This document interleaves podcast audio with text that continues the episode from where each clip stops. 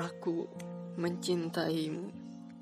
Semoga dari tulisan ini dapat kau pahami bahwa ada mata yang enggan kau tatap, suara yang enggan kau dengar, tangan yang enggan kau genggam, dan hati yang enggan kau rasa. Namun, rasanya tak pernah ke mana-mana selain ke arahmu. Sebab ada yang tak bisa aku pungkiri bahwa kepadamulah aku merasa menggilai seseorang sampai pada titik di mana aku tidak tahu bagaimana caranya untuk berhenti. Tapi mengapa kepadaku kau seolah tidak bisa untuk bersikap bahwa seolah-olah tidak ada apa-apa. Kau malu mengakuiku. Ku berpura-pura terhadapku kau menjaga hati seseorang yang lain? Atau di hidupmu memang aku hanya sebagai wahana permainan?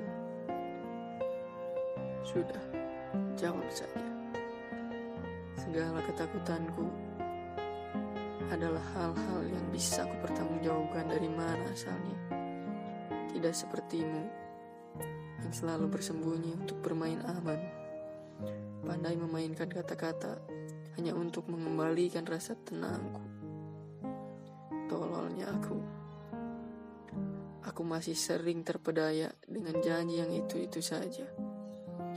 Air mata. Kau buat aku basah. Kering dan selalu seperti itu tak berubah.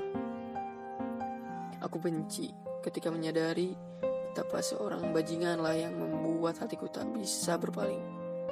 Namun, Aku tersadar bahwa tidak adil kurasa jika hanya diriku yang mempertahankanmu. Dan di saat bersamaan, kau juga sedang mencoba untuk melepas. Baiklah, aku bisa.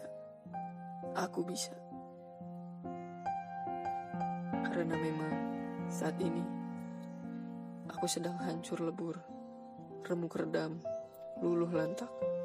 Tapi aku tidak boleh hilang dan terkubur di dalamnya karena aku yakin luaran pasti ada seseorang yang mampu menghargai keberadaanku dan membuatnya tak pernah berhenti berdoa.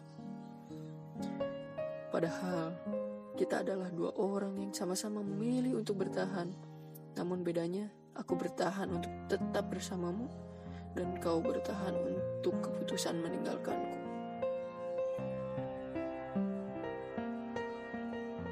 Baiklah Puan.